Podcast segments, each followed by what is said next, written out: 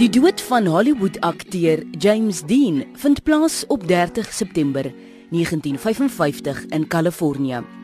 James het voorheen deelgeneem aan verskeie motorwedrenne en was op pad na 'n sportmotorresies kompetisie toe sy motor gebots het op die kruising van California State Route 46, die voormalige 466 en die California State Route 41.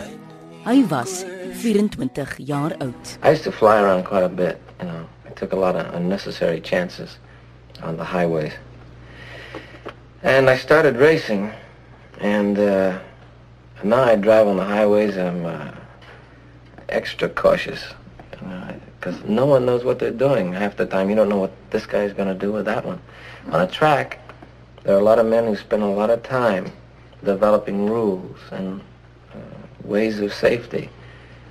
And uh, I find myself being very cautious on the highway. I don't have the urge to to speed on the highway.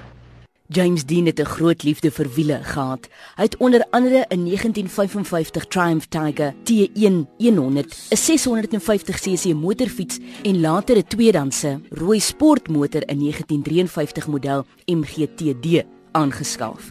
In Maart 1955 verruil hy daardie MG vir 'n nuwe 1955 Porsche Super Speedster.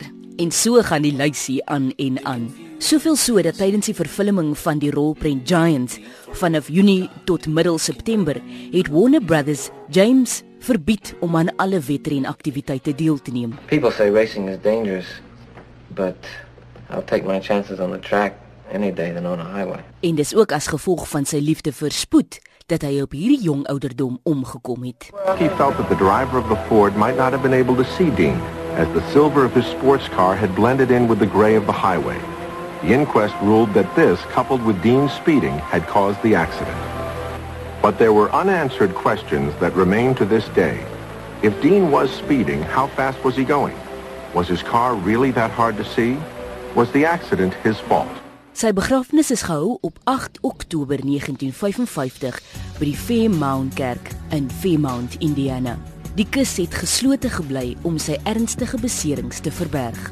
'n Geskatte 600 roubeklaars was teenwoordig terwyl 'n ander 2400 ondersteuners buite die gebou was tydens die optog. At the time of his death, Dean had just finished filming Giant, a movie that traced a man's journey from youth to old age.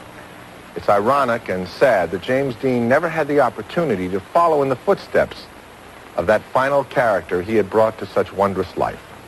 James Byron Dean, gebore 8 Februarie 1931, was 'n Amerikaanse akteur en hy word onthou as 'n kulturele ikoon van tienerontnugtering en sosiale vervreemding, soos uitgebeeld in die titel van sy mees gevierde rolprent, Rebel Without a Cause, waarin hy die rol van Jim Stark vertolk. Die ander twee rolle waarmee hy ook bekendheid verwerf het, was Carl Struck in East of Eden en Jet Rink in Giant.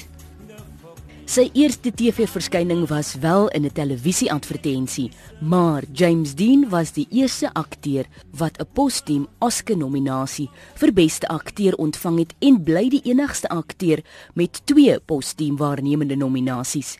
In 1999 het die American Film Institute hom ingedeel as die 18 beste manlike rolprentsterre van die Golden Age Hollywood se 100 jaar sterlys.